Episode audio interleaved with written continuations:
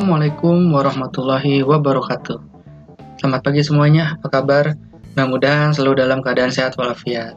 Ya anak-anak, pada kesempatan kali ini kita akan mulai uh, semester semester baru ini dengan pembahasan tentang ancaman terhadap NKRI.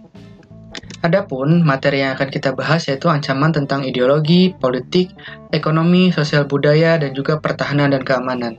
Seperti yang kita ketahui eh, bersama ya, sebenarnya materi ini pernah kita bahas bersama-sama di kelas 10. Cuman di kelas 11 ini kita mengulang kembali dan memperdalam materi tentang ancaman terhadap NKRI ini. Yuk, mari kita mulai. Sebelum memulai, saya punya kutipan nih dari Pak Insinyur Soekarno. Menurut beliau, Negara ini, Republik Indonesia, bukan milik kelompok mana pun, juga agama atau kelompok etnis mana pun, atau kelompok dengan adat dan tradisi apa pun. Tapi, milik kita semua dari Sabang sampai Merauke. Intinya apa? Intinya bahwa sebenarnya yang namanya polarisasi yang ada saat ini, di mana e, kita saling dibenturkan dengan suatu kepentingan orang-orang yang mencoba untuk memberikan ataupun mencoba untuk memakai kita sebagai alat mereka merebut keinginan mereka ataupun mendapatkan keinginan mereka. Jadi jangan sampai kita lupa bahwa Indonesia ini bukan milik siapa-siapa tapi milik kita semua. Oke, adapun indikator kompetensinya kita skip. Oke. Ancaman terhadap NKRI pada bidang ideologi. Sebelum membahas itu semua, yang kita ketahui ideologi itu pengertiannya merupakan pandangan hidup dan juga arah bangsa. Di Indonesia kita kenal tiga, ataupun yang sering kita pelajari itu ada tiga, yaitu ideologi Pancasila, ideologi komunis, dan juga ideologi liberalis. Oke, sekarang kita kupas sedikit Pancasila. Yang kita ketahui bahwa demokrasi ataupun ideologi dengan demokrasi Pancasila itu sistem pemerintahnya demokrasi. Namun dijalankan berdasarkan nilai-nilai Pancasila. Seperti apa maksudnya? Bahwa meskipun kita ini secara umum adalah negara yang menganut asas demokrasi sehingga kita sebagai masyarakat, sebagai rakyat bebas mengeluarkan pendapat kita dan e, kehendak kita ini adalah lebih tinggi dari apa pun. Tapi ingat kita itu harus berdasarkan nilai-nilai Pancasila. Di mana di Indonesia ini nilai-nilai Pancasila itu diutarakan uh, ataupun dimaks, dima, uh, dimasukkan ke dalam sebuah atau diwujudkan ke dalam sebuah peraturan perundang-undangan di bawah undang-undang dasar. Kemudian komunis. Secara simpel yang namanya paham komunis itu negaranya nih dipegang penuh oleh pemimpin. Biasanya dia pemimpinnya itu ya diktator lah. Contohnya Korea Utara dan juga negara uh, Rusia kalau nggak salah dan juga Vietnam. Terus dan segala kebebasan individu itu ditiadakan dengan dalih apa?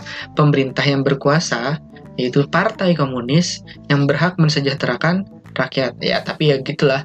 Kenyataannya kan nggak juga.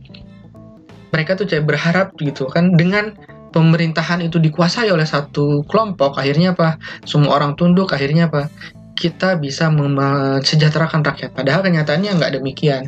Yang sejahtera adalah mereka-mereka yang memegang kekuasaan. Lalu, liberalis.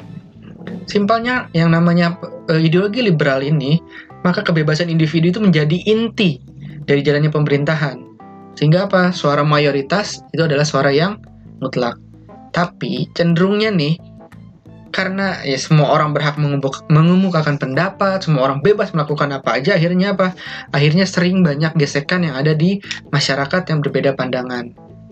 Tuh, salah satu pembahasan tentang sedikit tentang ideologi. Di Indonesia, ideologinya Pancasila. Lalu kalau kita kenal eh, ideologi komunis itu adalah kiri, kemudian ideologi liberal itu adalah kanan, maka posisi Pancasila itu di mana? Benernya secara kasat mata, Pancasila itu ada di tengah-tengah di antara komunis dan liberal. Tapi yang harus kita pahami bersama bahwa yang namanya ideologi Pancasila ini itu ideologinya unik gitu loh. Kenapa unik? Soalnya nilai-nilai yang ada di dalam Pancasila itu merupakan hasil dari kristalisasi ataupun digali dari nilai-nilai bangsa Indonesia itu sendiri dan tidak dimiliki bangsa lain. Contohnya apa? Contohnya nilai ketuhanan. Bagaimana Indonesia ini se semuanya itu menganut agama. Sementara di beberapa negara, contohnya komunis, mereka cenderung tidak memiliki uh, kepercayaan ataupun agama, lebih ke ateis. Kemudian liberal, mereka lebih sekuler, mereka lebih kadang bersih, uh, kadang lebih banyak agnostiknya gitu loh. Mereka lebih tidak percaya, belum percaya karena banyak keinginan ataupun banyak pemikiran-pemikiran yang membuat mereka ah agama tuh harusnya seperti ini, tapi kok kenyataan seperti ini. Nah, Indonesia itu tidak seperti itu. Makanya Pancasila tuh kalau di secara kasat mata ada di tengah-tengah. Lalu yang menjadi ancaman bagi Indonesia itu apa sih? Yang pertama, itu radikalisme, tentu. Kenapa radikalisme? Contohnya deh, di Indonesia sekarang. Banyak banget eh, paham-paham radikal. Sebelum masuk ke sana, kita bahas dulu ya yang namanya radikalisme itu Artinya apa? Artinya itu pemahaman ekstrim suatu ideologi. Entah itu ideologi apa pun, ideologi kanan, ideologi kiri di Indonesia pernah ideologi kanan, contohnya ideologi liberal. Kita pernah punya yang namanya DITI. Ideologi kiri kita pernah punya PKI. Sama aja gitu loh. Itu namanya suatu pemahaman ekstrim terhadap suatu ideologi. Sehingga apa? Mereka ini nggak menghendak nggak pengen adanya perbedaan dan mengesampingkan kemanusiaan secara sejarah yang namanya radikalisme ini kan udah ada sejak zaman Nabi Muhammad di mana zaman dulu ketika Nabi memberikan rampasan perang ada salah seorang uh, man manusia ataupun umat dalam uh, saat itu dia bilang begini Nabi ini tidak adil. Nah dari situlah Nabi uh, berkata kalau celakalah kamu. Maka ke depannya maka dia akan mewarisi ataupun menjadikan kaum-kaum yang atau membuat kaum-kaum yang e, radikal nantinya. Karena apa? Ya nabi itu udah pasti adil gitu loh. Seorang nabi aja kekasih Allah dianggap e, tidak adil. Nah, itu udah pasti radikal. Karena apa? Dia tidak menghendaki adanya perbedaan gitu loh. Sementara menurut yang namanya adil itu kan nggak mesti sama semua kita yang namanya adil sesuai porsinya masing-masing. Jadi yang namanya radikalisme ini sering uh, muncul di Indonesia nih contohnya. Makin ke sini makin banyak banget paham radikal. Ada yang radikal kanan, radikal kiri, ada pun radikal yang uh, keagama-agamaan. Nah, ini menjadi ancaman kita semua. Jangan sampai ada pemahaman radikalisme. Kemudian yang kedua, yang menjadi ancaman bagi Indonesia apa aja? Non Pancasilais. Kenapa? karena sudah mulai belakangan kita sudah mulai banyak pemahaman-pemahaman atau pemikiran-pemikiran yang tidak sejalan dengan Pancasila ini kita pakai. Apa aja ya komunisme, liberal, dan khilafah. Komunisme jelas, dia tidak mengakui agama sementara Indonesia mengakui agama. Komunis juga jelas bahwa komunis ini ternyata e, bersifat diktator kurang lebih Kemudian liberal, masyarakatnya bebas melakukan apa aja. Tidak di Indonesia kita punya norma-norma, kita punya aturan hukum, kita punya adat istiadat. Dan hilafah, kita tidak menganut e, negara yang islami. Karena negara ini negara yang plura, plural, negara yang beragam. Banyak suku-suku di sana, banyak kepercayaan-kepercayaan juga di sana, banyak e, agama-agama yang diakui di Indonesia juga. Jadi Indonesia ini jangan sampai pemahaman yang non Pancasilais itu muncul bagi kalian. Kemudian sumbu pendek. Nah, ini salah satu ancaman juga terhadap ideologi. Mungkin kalian sering dengar yang nama sumbu pendek. Maksudnya gimana? Maksudnya tidak berpikir dia tuh. Dalam berpikir itu enggak dianalisa secara matang dia tuh. Sehingga apa? Ketika bertindak, berpendapat ya udah jebret, kita ngeliat apa pun jebret. Sementara yang namanya manusia yang Pancasilais dia itu harus mencerna segala informasi, kemudian dicari tahu, dianalisa secara matang, barulah dia bertindak dan berpendapat. Kemudian yang terakhir, adanya perang mindset. Nah, ini yang terjadi pada masa saat ini. Perang mindset ini membenturkan mindset masyarakat tentang ideologi yang ada gitu loh dengan ideologi lain. Pendekatannya seperti apa? Pendekatannya biasanya dengan logika dan juga secara psikologis. Nah, perang mindset ini ya akhirnya memunculkan namanya radikalisme dan juga non Pancasilais. Awal dari mana? Dari sumbu pendek. Nah, itu. Sebenarnya keempat ini saling berkaitan. Dimulai dari sumbu pendek, jadi dimulai dari perang mindset, ketemulah yang namanya sumbu pendek, muncullah yang namanya radikalisme dan juga non Pancasilais. Tuh. Ini yang menjadi ancaman bagi Indonesia. Kita bahas tentang uh, perang mindset deh. Perang mindset ini sekarang dipakai untuk the politik deh kita ambil politik akhirnya apa? Di masyarakat itu dicuci otaknya. Masyarakat itu dikasih paham ataupun doktrin doktrin supaya apa? Bahwa sebenarnya ideologi seperti inilah yang kita harapkan. Yang namanya radikalisme itu seperti itu. Teroris lah. Radikal kita sebut bolehlah kita sebut teroris. Dalam agama Islam. Teroris ataupun radikal, kelompok radikalisme pertama Hawarij bagaimana mereka ini tidak menghendaki yang namanya apa? Yang namanya perbedaan Kemudian, mereka juga selalu mengesampingkan kemanusiaan. Kalau kamu berbeda, bunuh. Itulah yang terjadi dengan Ali bin Abi Thalib, dibunuh oleh Hawarij. Selanjutnya, dengan perang mindset seperti ini, akhirnya apa? Masyarakat tuh selalu dibentur-benturkan lah. Ya kita nggak munafik, belakangan ini kita dibentur-benturkan dengan yang namanya uh, ideologi yang ke, uh, berbasis agama. Bahwa sebenarnya agama yang, eh, negara yang benar itu adalah menurut agama seperti ini. Menurut agama ini tuh seperti ini. Kita dibentur-benturkan. Akhirnya apa? Akhirnya muncullah kesadaran bahwa kita ini udah mulai nggak Pancasila gitu loh. Yang harusnya itu harus muncul gitu loh. Indonesia ini tidak seperti ini dulunya. Indonesia ini negara yang gotong royong. Indonesia negara yang saling uh, bersatu. Sekarang ya kita jujur aja kita dibagi menjadi kelompok-kelompok. Kita dikotak-kotakan karena apa adanya perang mindset. Oleh sebab itu, inilah beberapa ancaman yang ada di Indonesia. Perang mindset, sumbu pendek, terus kemudian non-Pancasilais dan juga radikal. Jadi jangan pernah kalian uh, ada di tahap seperti ini. Kalian pertama mungkin, ya kita udah ada di perang mindset saat ini. Kemudian jangan sampai kalian sumbu pendek. Ketika kalian udah sumbu pendek, kelarlah kalian. Kenapa? Karena kalian akan dicuci otaknya untuk menjadi seorang yang radikal. Setelah kalian radikal, menjadilah kalian seorang yang non-Pancasilais. Atau jadi seorang yang tidak Pancasilais. Perang mindset ini harus jadi uh, benteng kita. Kenapa? Kita udah tahu nih sekarang ada namanya perang mindset. Maka sejak saat ini juga jangan menjadi sungguh pendek. Setiap informasi, setiap berita, uh, kemudian setiap apa pun lah kita harus apa? Kita harus menganalisa lebih jauh. Kita harus meneliti lebih jauh supaya kita tidak menjadi seorang yang sumbu pendek. Selanjutnya, ancaman terhadap NKRI, itu pada bidang politik. Apa aja yang menjadi ancaman bagi Indonesia? Ini kita bahas langsung saat ini. Yang terjadi saat inilah. Yang pertama, polarisasi. Masyarakat ini udah terbelah dua. Menjadi apa? Menjadi kelompok yang pro rezim dan juga kontra rezim. Akhirnya apa? Sehingga memunculkan gesekan di masyarakat. Sebenarnya yang namanya polarisasi ini sebagai akibat dari apa? Politik identitas. Ini yang kedua yang menjadi ancaman bagi Indonesia, politik identitas. Kenapa? Mereka memunculkan isu-isu sara dalam merebut atau menarik simpati demi kekuasaan. Contohnya apa? Contohnya kalau kita dalam perusahaan juga banyak nih politik identitas. Kenapa? Ini putra daerah ya kan jadi pasti udah bagus nah itu nggak juga kita harus bersaing secara adil secara bersih. Kalau memang kalian layak ya kalian dapat posisi tersebut.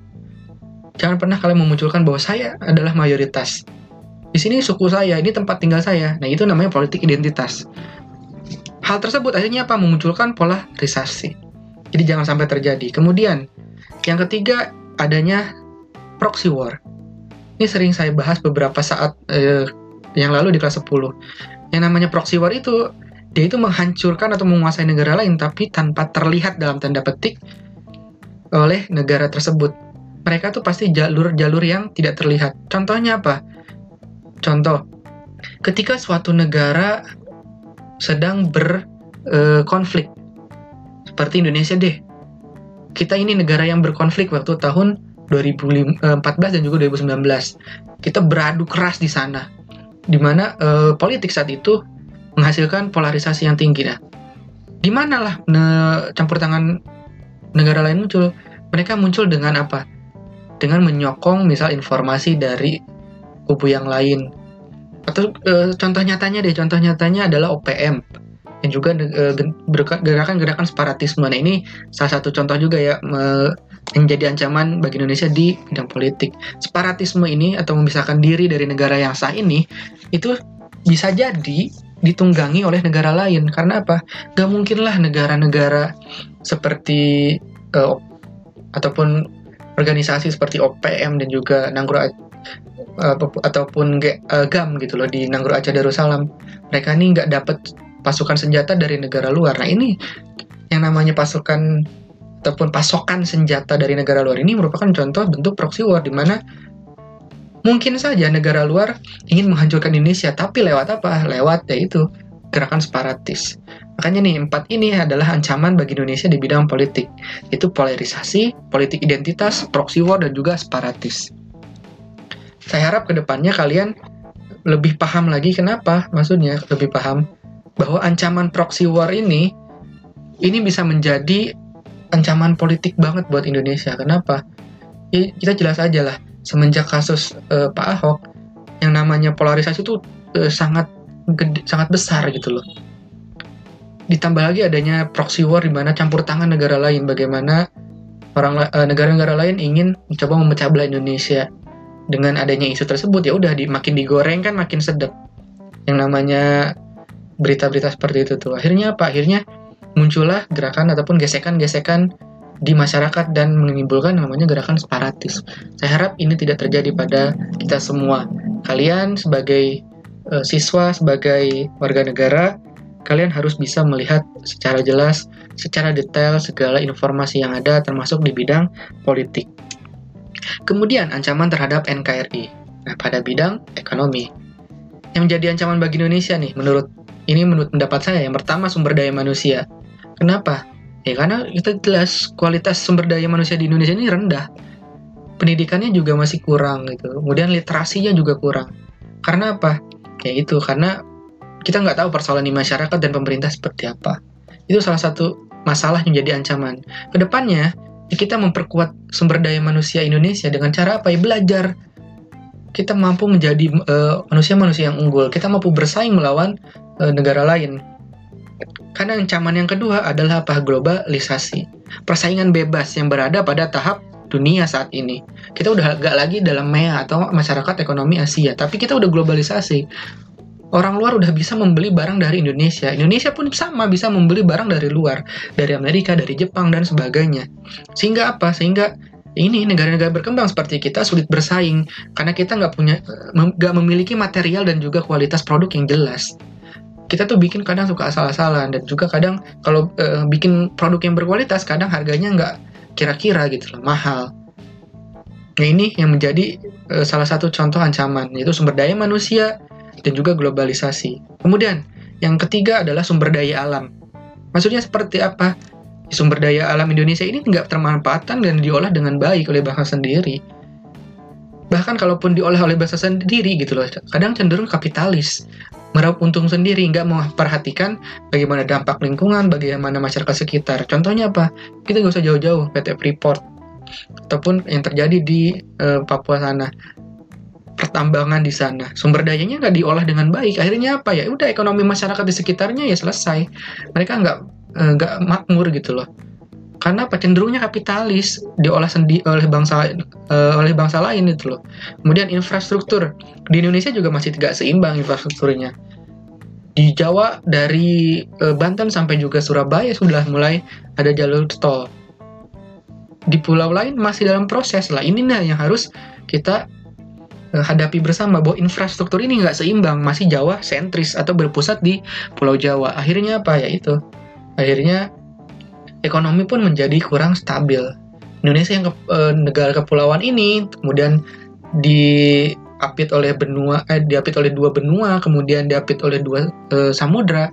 Kemudian pulaunya juga e, terpisah-pisah, nggak menyatu seperti negara lain karena ada e, berbentuknya kepulauan ya, ada pulau lalu dibatasi laut ataupun selat dan negara e, pulau lagi begitu seterusnya. Akhirnya apa? Ini menjadi ancaman bagi kita. Ke depannya, yang paling terpenting untuk kita adalah menjadi sumber daya manusia yang apa? Yang benar-benar unggul. Caranya seperti apa? Dari sekarang kita harus belajar dan juga bisa bersaing di dunia. Kemudian ancaman terhadap NKRI di bidang sosial budaya. Yang menjadi ancaman yang pertama, konsumtif dan juga amoral. Maksudnya amoral itu tidak bermoral ya dalam kamus besar bahasa Indonesia. Kenapa konsumtif dan amoral menjadi ancaman di bidang sosial budaya? Ya iya, orang-orang anak muda zaman sekarang lebih senang membeli barang luar negeri status dan juga bertindak di luar batas norma batas moral yang bangsa Indonesia ada gitu loh. Mereka tuh ya udah beli beli misal uh, Jordan Air Jordan kemudian beli barang apa pun gitu kan eh, LV gitu dan sebagainya. Mereka lebih senang dibanding sepatu Cibaduyut ya kan? Mereka lebih senang sepatu-sepatu dari luar. Kemudian kita juga lebih senang bertindak itu di luar moral kita di luar, di luar uh, budaya kita.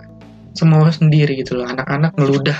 Ataupun orang-orang bisa meludah di jalanan tanpa melihat sekitarnya. Kemudian individualis ekstrim. Nah ini juga menjadi ancaman. Kenapa? Menjadi tidak peduli dengan orang lain dan cenderung menghina orang lain. Ketika seseorang uh, udah mulai masuk individualis ataupun uh, asosial gitu loh, tidak bersosialisasi, tidak mau bersosialisasi dengan orang lain. Tapi di sini saya bilang individualis ekstrim. Kenapa? Karena ada kecenderungan untuk menghina orang lain. Nah, ini udah salah nih. Sekarang banyak banget orang-orang yang individualis, orang tidak memikirkan orang lain. Mungkin dari kalian ada yang pernah menonton eh, tayangan-tayangan dari Majelis Lucu Indonesia. Silahkan kalian cari di YouTube juga ada. Bagaimana di situ si Coki ya, dalam hal itu sebagai pemuda yang tersesat kemudian dibawa eh, oleh si tretan muslim ataupun si muslim untuk apa? Untuk memberikan kebaikan. Tapi apa bagi dia itu tuh hal yang sangat tidak bisa dilakukan. Itu loh contoh mungkin itu hanya contoh yang menggambarkan, menggambarkan bagaimana di dunia ini di Indonesia ini ada juga manusia yang individualisnya ekstrim itu nggak peduli sama orang lain malah kadang menghina kemudian adanya budaya luar kenapa ya karena ya seperti kita ketahui sekarang westernisasi, wibuisasi, kepopisasi lah, apa pun namanya gitu. Mencintai dan menggilai budaya luar itu menjadi apa ya menjadi suatu hal yang lumrah sekarang bagi anak-anak muda.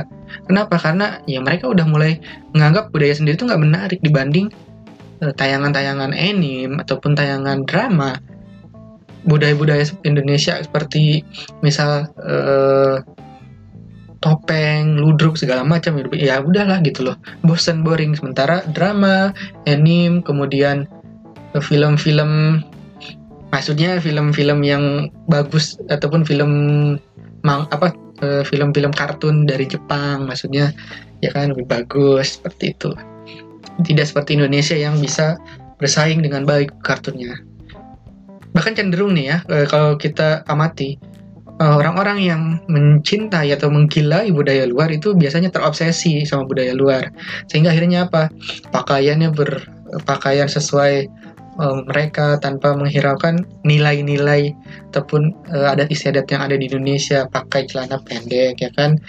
Misal cosplayer cosplayer ya, itu udah mulai cenderung akan meninggalkan nilai-nilai uh, kebangsaan Indonesia.